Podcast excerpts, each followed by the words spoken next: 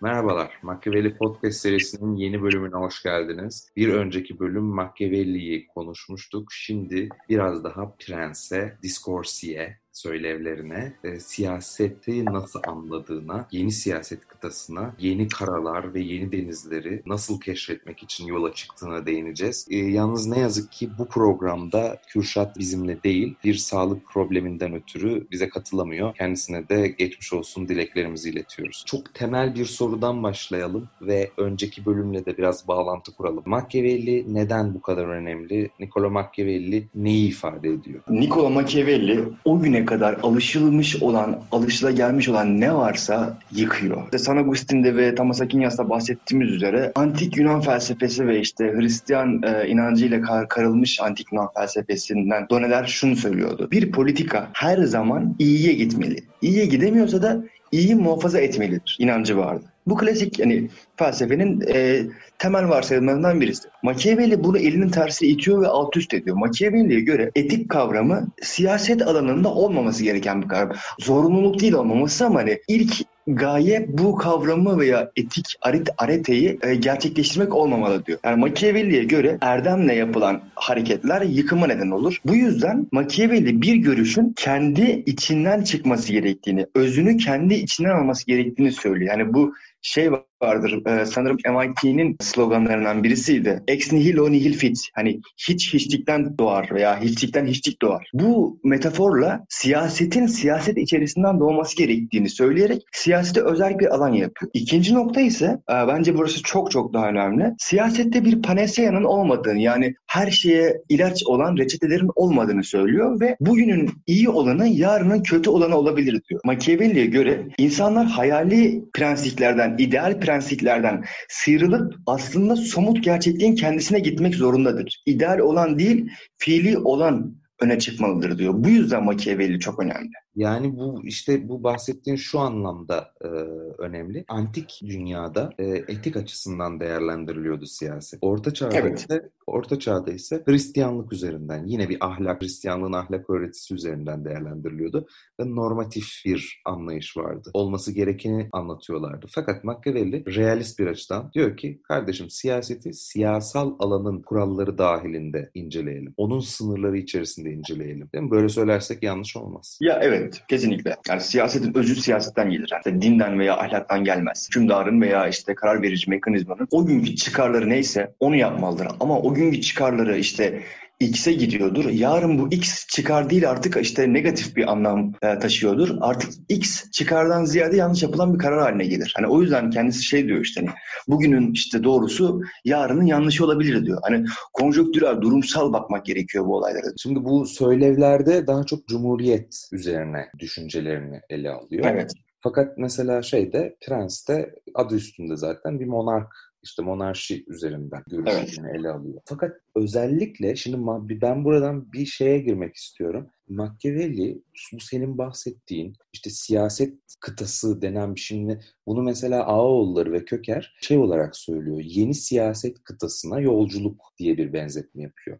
Bu da Machiavelli'nin o kendi ifadelerinden alınmış bir şey aslında ifade. Diyor ki Machiavelli ben yeni denizler ve yeni karalar keşfetmek üzere yola çıkıyorum. Evet. Bugüne kadar keşfedilmemiş bir kıta var. Yani bu, bu bir siyaset kıtası olarak adlandırılırsa aslında Niccolo Machiavelli e, bir sistematik de kuruyor. Realist açıdan bakıyor. Evet bunu konuştuk. Ve burada bir sistematik kuruyor. Bu sistematikte de özellikle hani bunu biz Prens'te de görüyoruz. İki tane kavram var orada. Nedir o kavramlar? Virtu ve fortuna dediğimiz. Evet.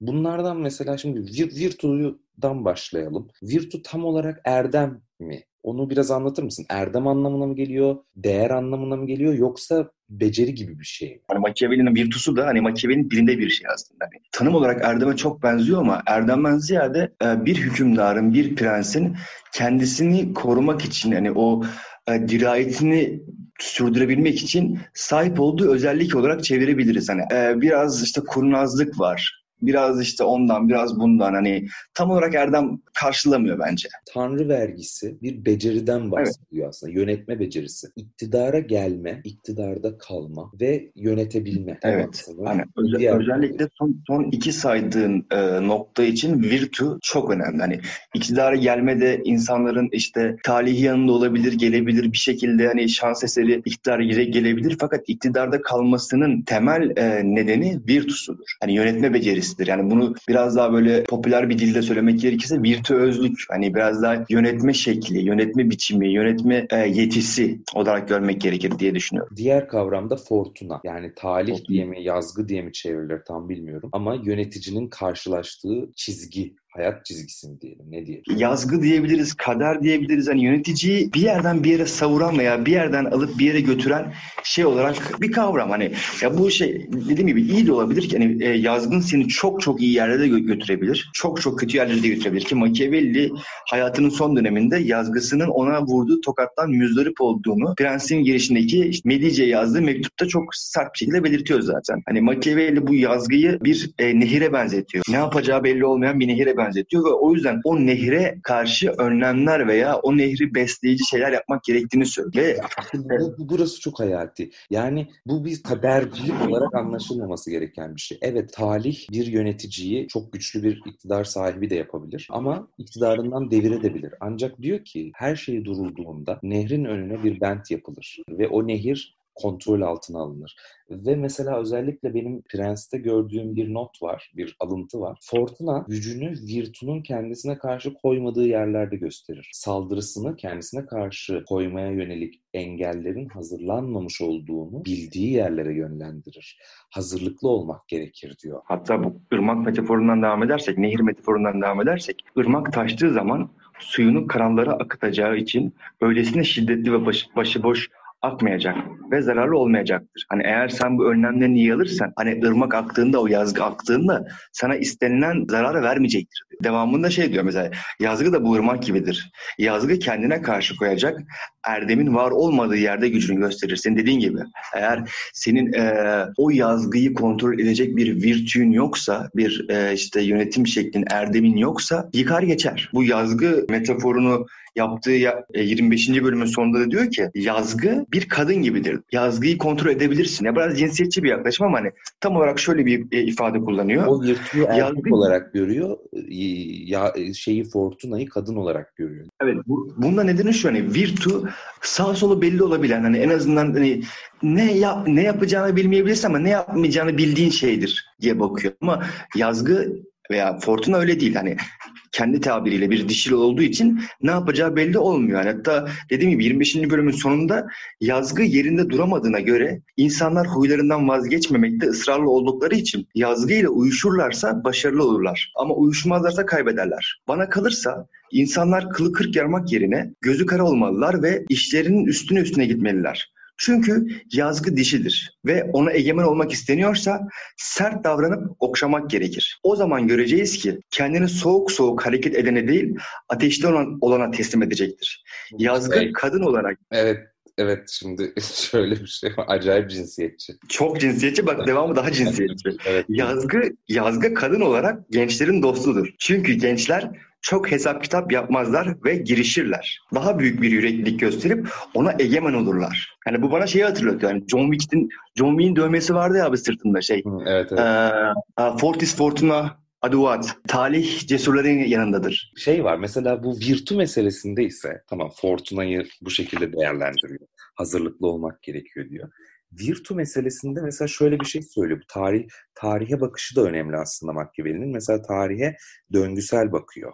Yani kendisi evet. önce de hani tarih döngüseldir diyen düşünürler vardı. Ya İbn Halduncu bir yeri gelenek aslında bu. İbn hani. Haldun'a benziyor aynen. Yani İbn Haldun'la tarihe bakışları benzer. Tarih tekerrür eder. Örnekler incelenerek tarihteki örnekleri incelediğimiz zaman bir genelleme yapabiliriz gibi bir düşüncesi var Machiavelli'nin. Bunu da şuna bağlıyor bu arada. İnsanlarda aynı tutkular bulunur.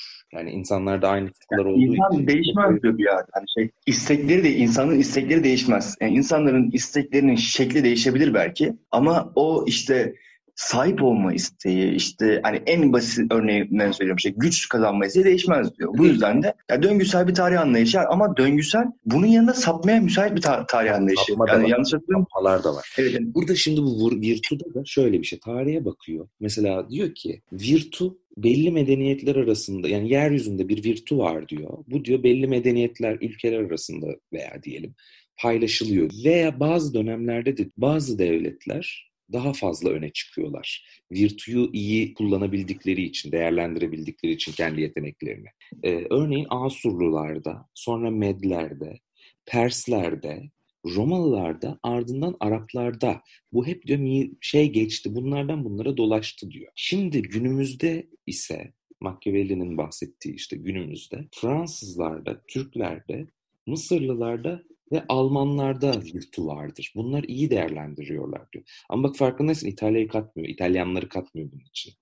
Çünkü dağılmış bir İtalya var. Machiavelli'nin e, düşüncelerini pekiştiren şey zaten bu. Bu kadar işte, ideale değil de reale dönelim demesinin nedeni bu. İdealde tamam herkes işte hani o işte motorları mavilikleri sürelim falan filan kardeşlik falan da hani herkes birbiriyle savaşıyor İtalya'da. Bu yüzden Machiavelli bir ya Prens'e şöyle bakmak gerekiyor. Prens e, Machiavelli'nin ne bileyim hayalindeki İtalya için acil çıkış kapısı bir kitap. Çok acele yazdığı bir kitap. Ya Machiavelli'nin işte Prens kitabının ön sözünü yazan hani Necdet Adabağ diyor ki e, ya Machiavelli bu kitaptan önce söyledere başladı. Ama bu savaş yani özellikle sürgünde olduğu için yani ve İtalya'nın durumunu üzüldüğü için Prens'i yazmaya koydu ve Prens de monarşiyi savunurken Discorsi'de, söylevlerde Cumhuriyeti savundu. Çünkü Machiavelli'ye göre e, monarşi o gün için en acil kullanılması gereken ve İtalya'yı kurtarması en muhtemel şeydi. Ya nasıl söyleyeyim? Bir bir aksiyon kitabı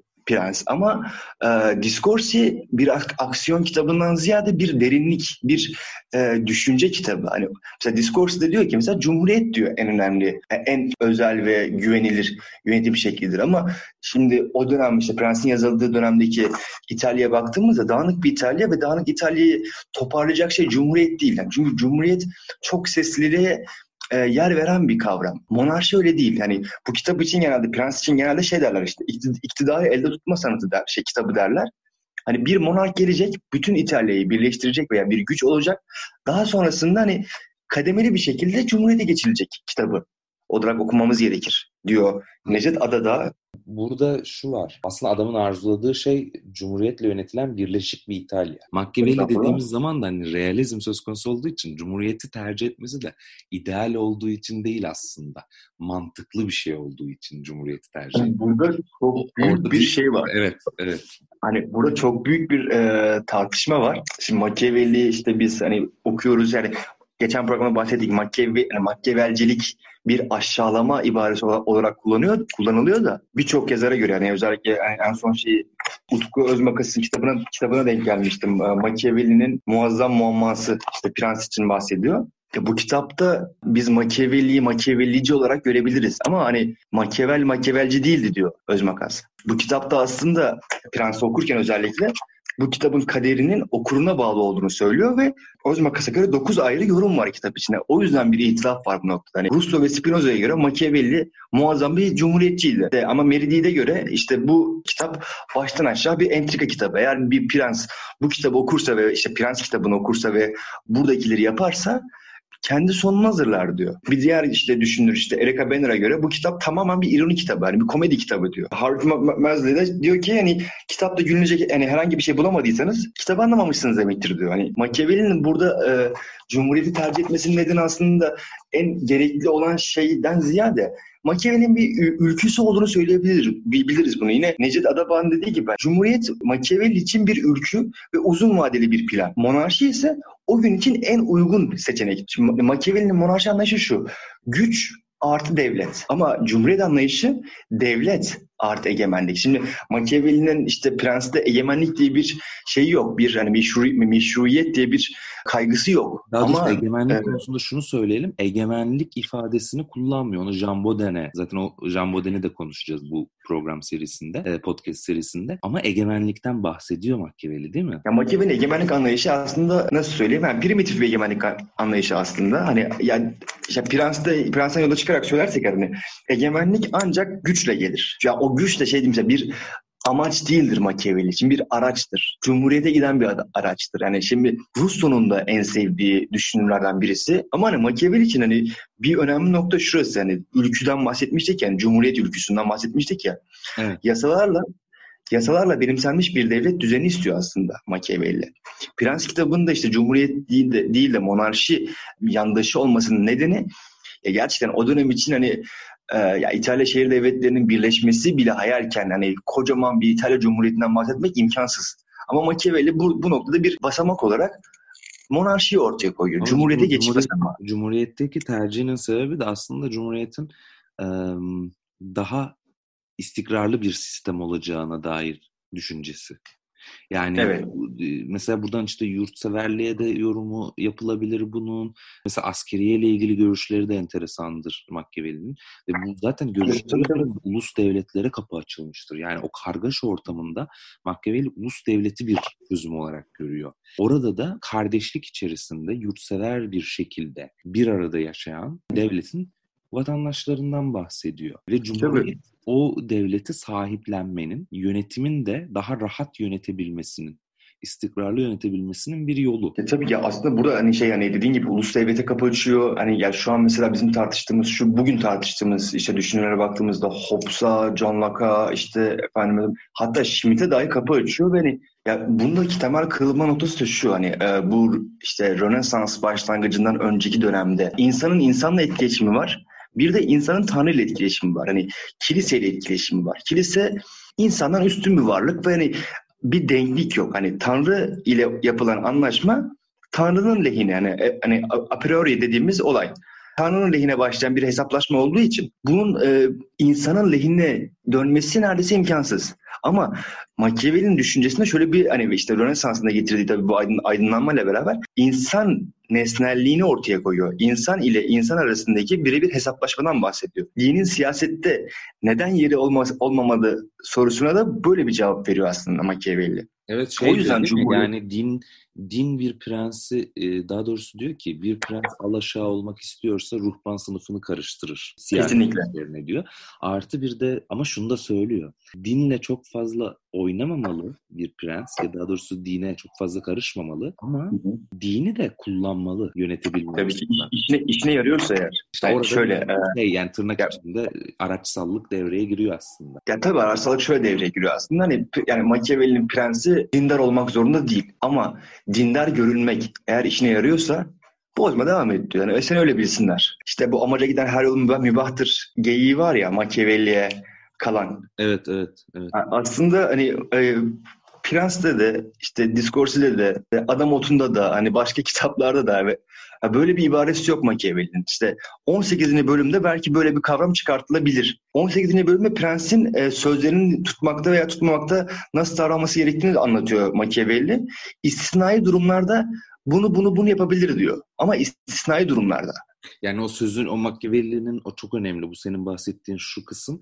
Çünkü diyor ki sözünü tutmamalı diyor. Şimdi direkt evet. böyle okuduğun zaman yani ya, en de. virtusu diyor sözünü tutmamasıdır diyor mesela. Ama evet. halbuki bunu istisnai durumlar için söylüyor. Hatta 18. bölüm direkt adı şu. Hükümdarlar sözlerinin nasıl durmalılardır? İstisnai durumlara durmayabilirler. Çünkü şey yani e, ya realist prensibin temel ilkelerinden biri survival. Hani eğer sözünde durmak seni öldürecekse o güçten e, yok edecekse seni durma. E, bu istisnai bir durumdur. Ama hani Machiavelli'nin bu amaca giden her umbahtır tarzı bir çıkışa temel olarak karşı çıktığı noktalar da var. 13. bölümde hani başkalarının ordu, ordusuyla e, zafer kazanmaya çalışan veya işte savaşa giden e, kumandanları veya prensleri hani kötü görüyor, aşağılıyor. Hayır diyor bu diyor erdemli bir şey değil diyor, virtüel bir şey değil diyor. Yani benim işte 8. bölümde arkadaşlarını öldürmek sana iktidar kazandırabilir. Ama şan kazandırmaz diyor. Şan, şöhret. Şan kazandırmaz.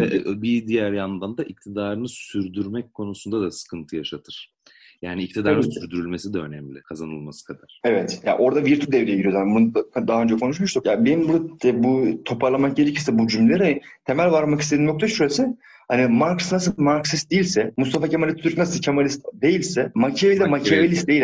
Yani Machiavelli'nin üzerine yazılan Anti-Machiavelli kitabı yüzünden biz Machiavelli'yi Machiavellist sanıyoruz. Hani bu kitapta Machiavelli şeytan figüründe en aşağılık varlık hatta ve hatta o dönem Machiavelli için hani bu prens için ahlaksızlığın el kitabı deniyor. Ki zaten bir önceki bölümde bundan bahsetmiş olmamız gerekir. Yani Machiavelli daha sonra bu e, söylemlerden çok çekiyor. E, aforoz edilmeye kadar giden bir süreçten bahsediyoruz. Yani 10 Aralık 1513'te kitabı bitirip işte arkadaşına yolluyor. Ama işte yaklaşık bir 50 sene sonra 1559'da e, kilise tarafından bu, bu, bu kitap yasaklı kitaplar listesine giriyor. Daha, daha, daha da ilginç yani bu adam şey değil hani öyle alelade böyle ateist bir adam değil yani babası avukat hani ki hani hukukla ilgilenen bir adam ki o dönem kilise eğitim alan adamlar genelde avukat olabiliyor ve sadece onlar olabiliyor.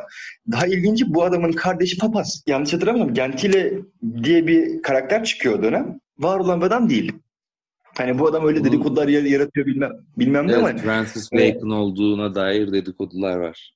Gentile. Ya adamın ha, hayatı hani ya bugün ne kadar karmaşık görüyorsak bu adamın hayatında o dönem de o kadar karmaşıkmış. Sadece bu dönem tartışılan bir adam değil. Yani kendi döneminde tartışılan bir adam. Yani hani, 500 yıldır tartışılıyor. Ya o yüzden şeytanlaştırılması nedeni aslında bu. Ne bileyim hani adamı anlamıyorlar mı? Adam kendini anlatmak mı istemiyor? Da bir yorum var. Machiavelli öyle bir yazdı ki eserlerini özellikle de Prens'i. Kendisini ancak çok zeki insanlar anlasın. Herkes anlamasın diye yazdı diye. Aa evet. Evet bak hani e, Özmakas o, o noktaya da değiniyor. Diyor diyor ki Machiavelli kandırılmayacak kadar hmm. zeki bir okur istiyor. Evet. Gerçekten çünkü hani o kadar trikler var ki kitap nasıl söyleyeyim. Dedik ya işte bu kitap ironi kitabı da olabilir. İşte bu, bu kitap bir entrika kitabı da olabilir. Hani Pisa'nın kuşatılması sırasında Machiavelli için e, Vettori çok yakın bir arkadaşı. Diyor ki sen diyor bugüne kadar gelmiş bütün peygamberlerden daha zeki bir adamsın diyor. Sonrasında Prens'te de bunu belirtecek daha sonrasında.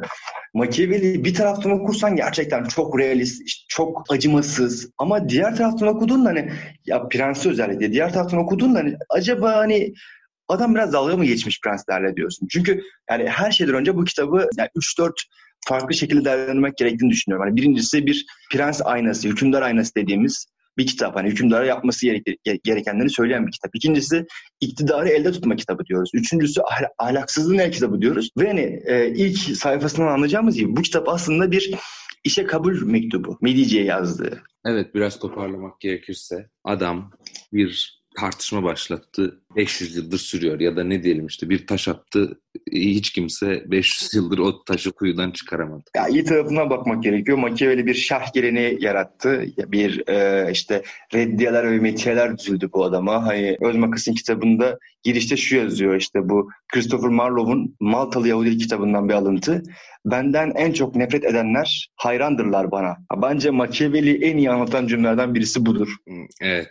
Çünkü hiçbir şekilde de yani iktidar söz konusu olduğunda siyaset alanının sınırları ve kuralları kendine has e, kuralları söz konusu olduğunda herhalde Machiavelli'yi tamamen göz ardı etmek olmuyor. Ve biz bunu ileride Schmidt'te de göreceğiz bu arada değil mi? Tartışırken. Evet. Schmidt'te de bir nevi benzer. E, karşıtları tarafından da sürekli bir muhatap alınma durumunu göreceğiz. Bu büyük isimlerin büyük olmasının nedeni hani çok fazla destek almaları değil. Ee, çok fazla karşıt yaratmaları. Belki de hani son olarak değinmemiz gereken noktalardan birisi de şu olabilir. O döneme kadar göz ardı edilmiş bir şeyi fark ediyor. Kamuoyunun gücünü, halkın gücünü fark ediyor. Bir prensin en önemli kalesinin halk olduğunu ve halkın da gücünü kendi nüfusundan, popülasyondan aldığını söylüyor. Prens hem korkulmalı hem sevilmeli olabiliyorsa ama ikisi mümkün değilse sadece korkulsa da olur. Burada tilki ve aslan metaforu var yani. Prens işte tuzakları fark etmek için bir e, tilki olmalıdır. Ama o kurtları kovalamak için de bir aslan, bir olmalıdır. olmalıdır. Sadece ama şunu da söylüyor. Til, sadece tilki olarak da iktidara gelmek mümkün. Evet işte dediğim şey bu zaten. İşte bu en başta konuştuğumuz Fortuna muhabbeti var evet, ya. Evet, hani evet. Vinci ile Fortuna'yı bu şekilde yaparsan olur eyvallah sıkıntı yok ama hani Machiavelli bunu şöyle ayırıyor aslında.